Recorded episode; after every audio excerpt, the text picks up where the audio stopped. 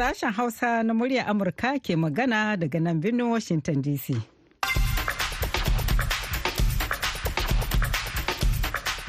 Masu sauraro Assalamu alaikum barkamu da asuba barkamu kuma da kasancewa da ku a shirinmu na yau talata ta biyu a shekara ta 2024 da fatar an wayi gari lafiya. Alheri Grace Abdi ce tare da Sarfilu Hashim Gume da sauran abokan aiki ke farin cikin kasancewa tare da ku. Kafin ku ji abin da muke tafi da shi ga Sarfilu da kanun labarai. Wani hari da Isra'ila ta kai ta sama ya kashe wani babban kwamandan ƙungiyar Hezbollah a kudancin ƙasar Lebanon jiya Litinin. Sakataren harkokin wajen Amurka a Tony Blinken ya ce shugabannin yankin gabas ta tsakiya sun kudura aniyar daƙile yaduwar rikicin Gaza. Daga nan za a ji cewa kotun kolin pakistan ta ɗage haramcin ta kakaba wasu 'yan siyasa da aka yanke hukuncin harin ta tsaya kowace takara a ƙasar. to yayin da a nan ake batun kotun kolin a najeriya 'yan najeriya na dakon hukuncin kotun koli akan waɗansu zaɓukan gwamnonin najeriya da galibi suka shafi jam'iyyun adawa da gwamnatin najeriya ta ce shure-shure ba ta hana mutuwa soki burutsu ne irin na waɗanda suka rasa mulki magagen haɗuwar zaɓe shi ne yasa suke ta irin wannan yarfan da bargada balle na da ya rasa tudun dafawa To sai dai jam'iyyun hamayya na ganin jam'iyya mai mulki tana ƙoƙarin ƙwace jihohin da 'yan adawa ke mulki ne domin neman ta ci karanta ba babbaka. Jam'iyyar apc ta ji tsoron cewa in ta bari aka yi wani gagarumin canji to kamar ta yi wa kanta sakiyar da ba ruwa ne. Sai kuma shirin tsaka mai wuya wanda zai dora a kan fafatawa da aka faro makon jiya kan siyasar ƙasar kamaru. Amma kafin mu kai ga waɗannan duka gasar filu da halin da duniya ta waye gari. Jama'a assalamu alaikum. Da fatan an waye gari lafiya ga labaran duniya. Wani hari da isra'ila ta kai ta sama ya kashe wani babban kwamandan ƙungiyar hezbollah a kudancin ƙasar lebanon jiya litinin. Alama ta baya bayanan da ke nuna yiwuwar barkewar rikici a gabas tsakiya. Wani jami'in tsaron ƙasar lebanon ya ce harin da aka kai kan wata mota ya kashe wani kwamandan rundunar hezbollah da ke aiki kan iyakar ƙasar da isra'ila. Hezbollah ta bayyana kwamandan a matsayin wassam altawel inda wani jami'in tsaro ya ce yana gaba-gaba wajen tafiyar da ayyukan hezbollah a kudancin ƙasar Isra'ila ta ce sojojinta sun kai hari kan Hezbollah a ranar Litinin, amma bata ce komai ba kan mutuwar Tawil. Tawil shine babban jigo na ƙungiyar Hezbollah da aka kashe tun bayan harin da Hamas ta kai a kudancin Isra'ila a ranar bakwai ga watan Oktoba da ya haifar da yaƙin Gaza da kuma faɗan da ake tsakanin Isra'ila da Hezbollah wanda ya ƙara kamari tun bayan wani harin da aka danganta da Isra'ila ta kashe wani babban shugaban Hamas a Beirut a ƙarshen mako. A ɗaya ɓangaren kuma jiya litinin sakataren harkokin wajen amurka a tony blinken ya ce shugabannin yankin gabas tsakiya sun ƙudura aniyar daƙile yaduwar rikicin gaza kuma akwai kyakkyawar fahimta kan buƙatar samar da maslahar siyasa ga falasɗinawa. Blinken ya shaida manema labarai a filin tashi da saukar jiragen sama na al'ula da ke saudiya cewa ya kamata yankin yammacin kogin jordan da gaza su kasance ƙarƙashin jagorancin falasɗinawa. Makomar yankin na buƙatar haɗin kai ba rabuwa ba kuma ba rikici ba in ji blinken.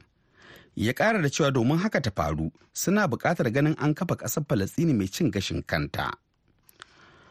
A wata sanarwa da safiyar wato da ya fitar bayan tattaunawa da blinken yariman saudiya mai jiran gado muhammad bin salman ya jaddada muhimmancin ɗaukar wato dakatar da ayyukan soja a zirin gaza da kuma buƙatar samar da yanayin maido da zaman lafiya da kwanciyar hankali.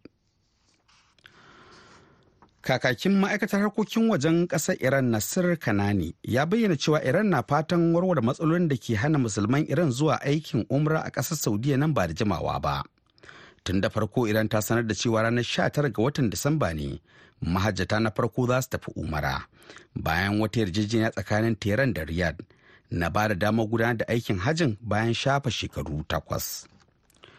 Sai dai kuma an soke wannan jirgi da sauran jiragen saboda gazawar riyad wajen bayar da izini don shiga filayen jirgin saman na saudiya kamar yadda hassim qurbani mai magana da yawon iran air ya shaida wa gidan talabijin na ƙasar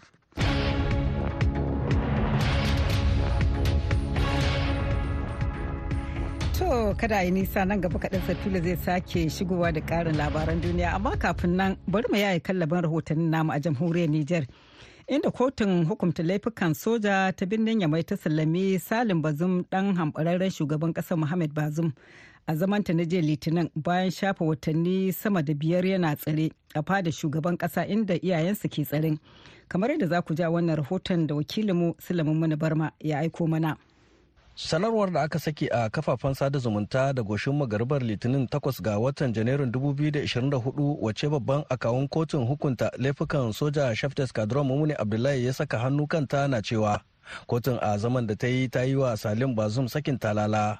A bisa sharaɗin amsa kiran alkali mai bincike a duk lokacin da buƙatar hakan ta taso. Dan shekaru 23 a duniya salim bazum ya zo babban hutun makaranta a daidai lokacin da sojojin cnsp suka yi juyin mulki. Mafari kenan aka tsare shi lokaci guda da mahaifansa a bisa zarginsa da haɗa kai wajen yi wa hukuma zagon ƙasa ko barazana wa hukuma. Lamarin da ya sa aka shiga safa da marwa a tsakanin kotuna kafin a je litinin a amincewa buƙatar ba da belinsa abin da wani danginsa shaib muhammad ke bayyanawa a matsayin na farin ciki. Alhamdulillahi alhamdulillahi mun gode ma allah. Oti ta ba salem bazum muhammad sakin talala babban abun murna ne. Magoya baya da masoya na shugaban kasa bazu muhammad su kama da addu'o'in da ake yi insha allahu nasara tana nan gaba. Muna da yaƙinin nan gaba kaɗan. Komi in allah ya yarda zai daidaita. A nan ƙasa mu ta niger insha allahu lauyan iyalin shugaba muhammad bazum metr uld mustapha wanda bai so ya yi furici ba saboda dalilan ka'idar aiki ya tabbatar da hukuncin kotun ta tribunal militaire. Sakin hambararren shugaban ƙasar nijar da iyalinsa na daga cikin sharuɗan da ƙungiyar ecowas ta gindayawa hukumomin mulkin soja kafin a cire wa ƙasar takunkumi. Haka kuma a zamanta na ranar 15 ga watan disamban 2023 kotun sai da yawo ta umarci mahukuntan wannan kasa su sallami muhammad bazum da iyalinsa kamar yadda a nan cikin gida wasu kungiyoyi irin su fcr ke ta gwagwarmaya akan irin wannan buƙata dalili kenan shugabanta sule umaru ke fassara sakin salim a matsayin wani ci gaba a yunkurin warware wannan dambarwa. Idan ka ɗauka wata guda baya abu ne wanda yake babu haka din don haka muna ganin cewa da ci gaba ne kuma falilai alhamdu sai mai fatan wannan soja su ci gaba da wato hanzari da neman sulhu da neman sake waɗannan bayan Allah da an ka kama domin wannan ƙasa tamu ta samu sauƙi a san hanyar da an ka bi na hidda wannan ƙasa cikin ƙanyi. Ƙasashen togo da salione sai da yawo ta dora wa nauyin shiga tsakani a rikicin siyasar ta nijar saboda haka ba da belin salim bazum muhammad ke da wuya ministan harkokin wajen togon robert duse ya fice da shi zuwa kasarsa a cewar wata majiya mai zaman kanta. Sule mummuni barma muryar amurka daga yamai a jamhuriyar nijar a gaida malam da ci gaban labaran duniya. Shugaban amurka joe biden ba shi da niyyar kora sakataren tsaro lloyd aston bayan da aston ya ki bayyana cewa yana kwance a asibiti kuma har yanzu bai bayyana abin da ya kwantar da shi ba in ji fadar white house ranar litinin. Kakakin majalisar tsaron ƙasar john kirby ya shaida manema labarai cewa babu wani shiri face sakatare aston ya ci gaba da zama a bakin aikinsa. Aston wanda ke ƙasa da biden a jerin masu faɗa a jerin sojan amurka an kwantar da shi a ranar sabuwar shekara amma ciwon nashi ya samo asali ga abin da aka bayyana a matsayin wani aiki da aka yi masa ranar 22 ga watan disamba. Sakataren ya labarai na ma'aikatar tsaro ta pentagon manjo janar patrick ryder ya ce babu wani lokaci da tsaron ƙasa ya shiga cikin haɗari saboda jinyar ta kwantar da aston asibiti. Duk da cewa ya miƙa ragamar aikinsa ga mataimakiyarsa kathleen hick a lokacin da yake kwance a asibitin. Shugabannin majalisar dattijan amurka sun sanar da cimma yarjejeniya kan matakin kashe kuɗi na shekarar 2024 sai dai da sauran aiki da yawa da suka rage a yi idan 'yan majalisar sun yi shirin kaucewa rufe wasu manyan ayyukan sassan gwamnatin tarayya daga yanzu zuwa farkon watan fabrairu. Babban abin da aikin zai fi mayar da hankali shine nemo hanyar da za ta gamsar da masu ra'ayin riƙau na majalisar da 'yan republican ke jagoranta. Wanda suka buƙaci a rage yawan kuɗaɗe da gwamnati ke kashewa wanda baya cikin rijijiyar kasafin kuɗi ta dala tiriliyan ɗaya da ɗigo sittin da shida da kakakin majalisar mike johnson ya kulla da shugaban masu rinjaye na majalisar dattawa chuck schumer a ƙarshen mako ba zai wadatar ba kawai amince da adadin kasafin kuɗin gwamnatin tarayya gaba ɗaya ba dole ne 'yan majalisar su zartar da dokar da ta baiwa kowane ma'aikatu da hukumomin tarayya damar kashe kuɗaɗen.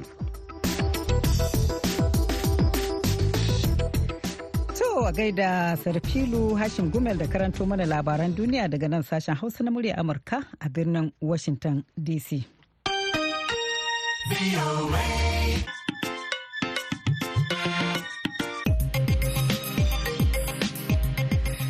Madalla bari mu rufe taskar rahotannin nama a Najeriya inda hankalin 'yan ƙasar ya karkata kan dakon hukuncin kotun ɗaukaka ƙarar shari'ar zaɓen gwamnoni huɗu a arewa maso yamma da kuma arewa ta tsakiyar Najeriya da masu kula da lamura ke gani zai zama zakarin gwajin dafi a tabbatar da tsarin demokuraɗiyya a ƙasar. Wakilinmu Nasiru Adamu Elhikaya ya yi nazarin batun ga kuma rahoton da ya haɗa mana.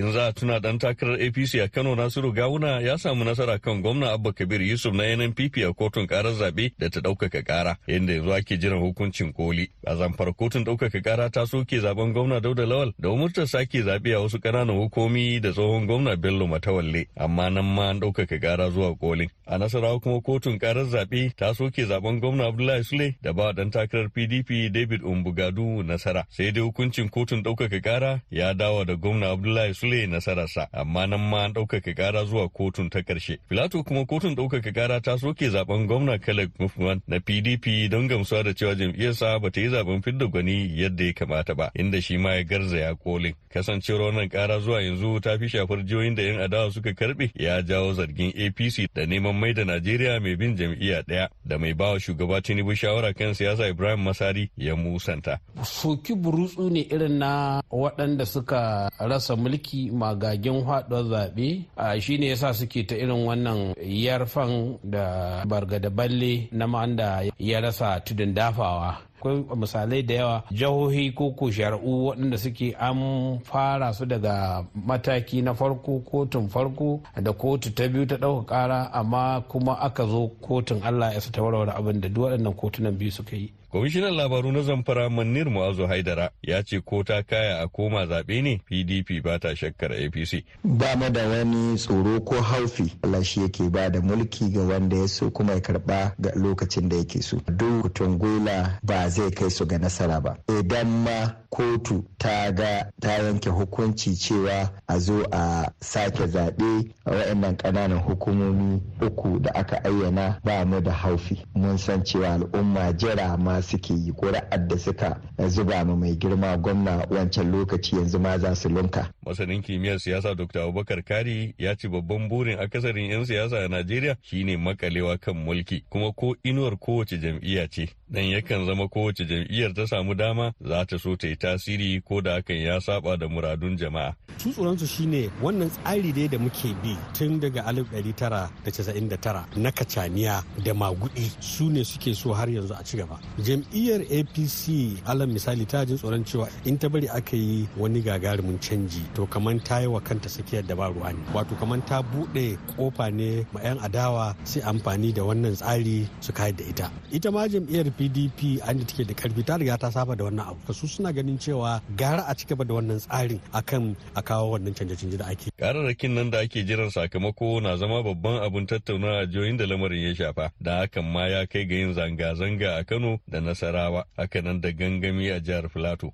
Nasiru da Mailika ya murar Amurka daga Abuja, Najeriya. To kai ma alheri ya gaishe ka har yanzu kuna tare da sashen Hausa na murya Amurka birnin Washington DC inda muke kawo watso muku shirye-shiryen nan kai tsaye kuna kuma iya sauraron mu a duk lokacin da kuke buƙata a VOA Hausa.com yanzu kuma ga Aliyu Mustapha Sokoto da shirinmu na gaba.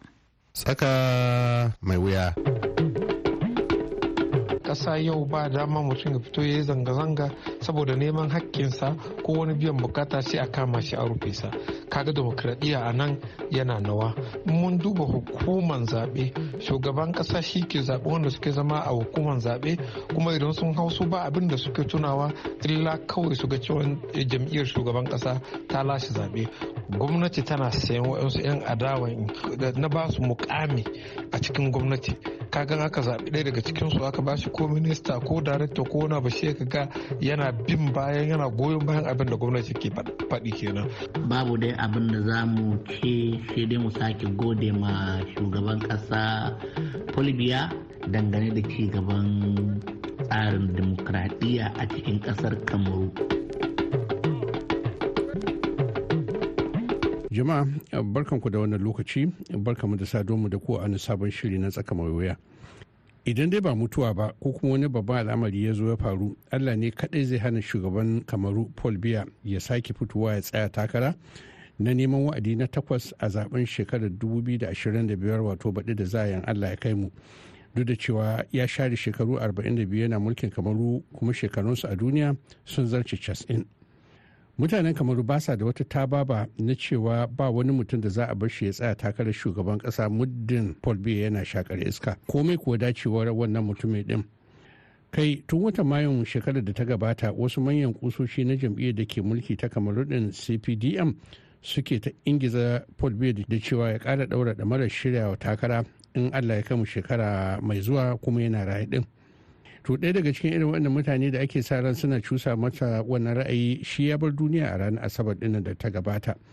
Muna muku magana ɗaya daga cikin ƙusoshin jam'iyyar cpdm mai mulki a kamaru wato professor joseph owona wanda tsohon minista ne kuma wanda allah ya sa ya cika ran asabar ɗin yana da shekaru 78 a duniya.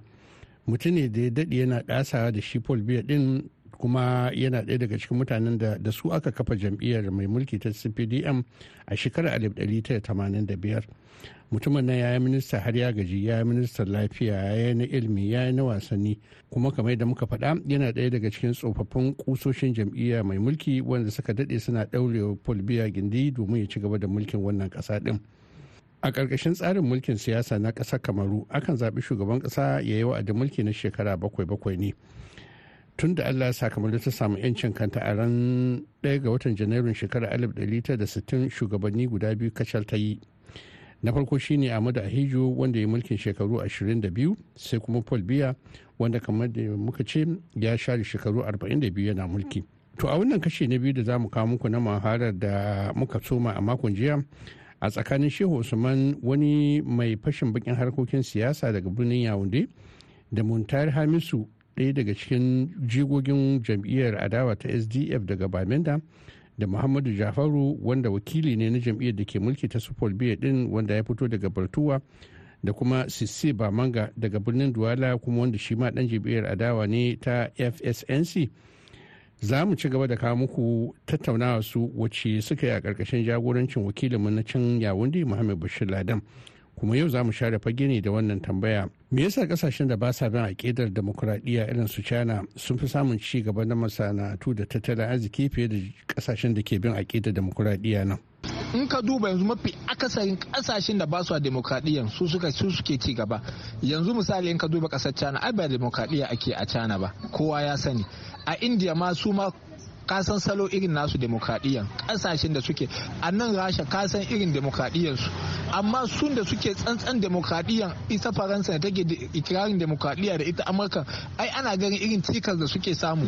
In abu yayi daidai da ra'ayinsu demokradiyya ne in ya saba musu kuma duk yadda za su yi su karya wannan kundin tsarin mulkin demokradiyyan karyawa suke gaskiya demokradiyya a ƙasar kamaru ita ta kawo mana cikas. To bara mu koma sashin muntari hamisu kuma a can bamin da malam muntari hamisu to ko menene ra'ayinka kan ci gaban demokradiyya a nan ƙasar kamaru tun 1990 demokradiyya na nawa a nan kasan kamaru.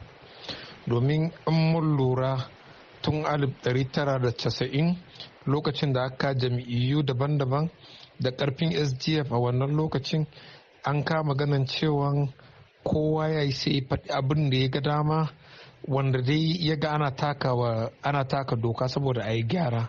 To amma ƙasa yau ba dama mutum ya fito ya yi zanga-zanga saboda neman haƙƙinsa ko wani biyan buƙata sai a kama shi a rufe sa. Kaga demokradiyya a nan yana nawa. Ta wajen zaɓe mun duba hukuman zaɓe. Shugaban ƙasa shi ke zaɓe wanda suke zama a hukuman zaɓe kuma idan sun hau su ba abin da suke tunawa illa kawai su ga cewa jam'iyyar shugaban ƙasa ta lashe zaɓe. Wato akwai magudi sosai a wajen lokacin zaɓe. Eh akwai ɗan sanji kam a wajen maganan zaɓe amma magudin na da yawa har yau. Muka duba gabanin a haɗe ƙasashen biyu wato west cameroon da east cameroon 1957 zuwa 1950 zuwa 1959 akwai su kndp na su endire da su fonca da sauransu kowa na da jam'iyyar shi. A lokacin demokradiyya so haɓaka kafin sashen ingilishi su haɗe da sashen faransa. Amma da aka haɗe kuma shi aka take demokradiyya shi kuma 1990 nan da aka sake dawa da demokradiyyan kuma da ba a bashi ma ana aiwatar da shi. So, Alhaji Muhammadu Jafaru duk yadda aka yi dai mai yiwuwa amsar ka za ta bambanta da ta shauran in duba da cewa kai kana daga cikin jam'iyyar RDPC ko kuwa CPDM wato jam'iyya mai mulki kenan. Duba da cewa ko kuke riƙe da abubuwa a nan. Menene ra'ayinka kan wannan tambaya tamu? Dangane da batun demokradiyya a cikin ƙasar kamaru babu dai abin da za mu ce shi dai mu sake gode ma shugaban kasa Folbiya da mataimakansa dangane da ci gaban tsarin demokradiyya a cikin ƙasar kamaru. Domin ko shakka babu a cikin afirka dai kamaru na daga cikin ƙasa wanda za ta yi tutiya da ci gaba wanda ƙasa ce wanda ta ba mu kowa ya yancin addininsa ko da wuta kake bauta mawa. Matuƙa baka takura ma wani ba baka da matsala. Wannan ci gaba ne ta ɓangaren addini wanda aka samu na biyu kuma ta wajen ƙungiyoyi na siyasa. Yau kamar na da ƙungiyoyi na siyasa daban-daban a cikin wa'annan ƙasashen kuma kowa yana kawo nasa tsari na wannan ƙungiyar nasa. Bayan haka kuma dangane da ci gaba na yau da kullum ma'amala tsakanin ƙasashe da ƙasashe da tsakanin mutane da mutane kamaru ta yi rawan gani ta wannan ɓangaren saboda haka babu abin da za mu iya cewa wannan ci gaba da muka samu allah ya daɗa tafiyar da mu akan haka. To malam baban gaba ka ga cewan idan ka ce babu ci gaba a fannin demokuraɗiyya dole kenan za a duba cewan kuma 'yan adawa ku kanku da naku laifin a ciki ba? Kuma ba ku da wani alhaki kan wannan abun da ya da kuke gani kamar babu ci gaba? A gaskiya a ce wai akwai namu 'yan siyasa a ciki eh to za a iya ce eh amma ni zan ce maka o'o o'o don me sa don gede in ka duba ko ni da kai gari na a cikin matashi a birnin duwala matasa a cikin birnin duwala ina kokartawa yadda nake yadda zan iya ne wato nuna ma waɗansu matasa cewa a siyasance za iya fitowa ana faɗan ra'ayinsa. Amma kaga ko ni wata sa'in na fito na ba da ra'ayi na kaga gwamnatin din wato ma duwala suna takura mini wata sa'in har suna suna ce min wai ina so wato in kawo tashin hankali a birnin duwala a birnin da nake. Mun san cewa yau shekara talatin kenan wato abin da ake kira multi parties ya shigo a ƙasashen mu na afirka. Amma gaskiya an ka duba yau shekara talatin din wato demokradiyya a kasan mu kasan ta cameroon an ci gaba ne ko an koma baya? Yadda na gaya maka dan uwana mun koma baya. Mun koma baya don me sa mun koma baya domin akwai 'yan siyasa da suke na kulle mun koma baya domin akwai 'yan jarida da aka kulle. Mun koma baya domin yau in ka duba duk 'yan siyasa da duk 'yan jarida wato mafarkin su ɗaya ne su samu su fita ƙasan cameroon su tafi canada su tafi etazuni su tafi russia su tafi faransa su tafi spain su tafi duk waɗansu ƙasashen da suke cewa a can suna da wato daidan ba da ra'ayinsu ba hadde wato in suka ba da ra'ayi ba za zo a ci masu mutunci ba ko kuma ba za zo a taɓa su ba a ce masu ma za a yi masu wato fashi ko kuma za masu kamu. So malam hamisu muntari to ai wasu 'yan siyasa suka ce sukan ce yau idan demokradiyya ta gurbance a ƙasar kamaru kuma 'yan adawa da naku alhakin to wada ya za ka amsa musu wannan? Jam'iyyar adawa suna da yawa kasan kamaru. Wannan dabara ne na gwamnati na rarrabe kan 'yan adawa. Shi ya saka take taimakawa take ba da tallafi wa 'yan adawa saboda a rarrabe a samu jam'iyya da yawa yadda ita gwamnatin za ta dinga samun nasara akan 'yan adawa. Ba wai a aikacen adawa suka ka gurbancewan demokradiyya a ƙasan kamaru ba. Na biyu kuma gwamnati tana sayan waɗansu 'yan adawan wanda ba za mu iya ce a fili ba amma da na ba su mukami a cikin gwamnati. Kagan aka zaɓi ɗaya daga cikin su aka ba shi ko minista ko darekta ko wani ba shi ga yana bin bayan yana goyon bayan abin da gwamnati ke faɗi kenan. Wato a nan kana sanin cewa shi ba ɗan adawa ba ne amma da sunan ɗan adawa ya tashi. To muna da irin su da yawa wanda sanin mu ne gwamnati ne suka kawo wannan dabaran ganin cewa sun raunana ƙarfin 'yan adawa baki ɗaya a kasan kamar so alhaji muhammadu jafaru sai dai ai 'yan adawa da yawa kamar yadda muka ji su suna wato alakanta rashin ci gaban kasa da yadda jam'iyyar ku ta fdpc take gudanar da mulki alhali a cikin wato tsari irin na demokradiyya muke. Kaga su lissafa misali kamfanoni kamar na jirgin sama da jirgin ruwa da kuma matsalar wuta lantarki da shauransu da ruwan sha da abin da ya kamanci haka duk sun alakanta shi da cewa a yadda jam'iyyar ku na ta rdpc take tafiyar da mulki wannan shi ya janyo wato wahalhalu makamantan wannan. Me zaka iya faɗa mana kai? Wannan kuma tunaninsu ne. Kasan kuma shi mutum yau ba za ka iya hana shi tunanin abin da yake so ba. Amma idan za su bi gaskiya kuma su tsaya su yi tunani da hankalinsu sun san cewa yadda ake gudanar da yanayin tafiyan ƙasan kamaru tafiya ce da ake yi tafiya mai kyau ba wai don ina cikin ƙungiya na shi rdpc ba ne zan mara mata baya ɗari bisa ɗari. to madalla to bari mu ja burki a nan sai Allah ya kai mu wata talata kuma in Allah mai mu din za mu fara ne daga kan kalaman da shi Jafaru da ke wakiltar jam'iyya mai mulki a Kamaru na cewa ai sauran jami'a dawa suna kushewa jam'iyyar su ta Paul Biya ne saboda sun gagara sai abin da Paul Biya yake yi domin kawo Kamaru ci gaba. Shin wannan gaskiya ne? To muna godiya ga su baki namu da kuma shi wakilin na Muhammad Bashir Ladan da ya shirya mana wani muhawara daga can birnin Yaounde ku huta lafiya ne ne aliyu mustapha sakuta a washington.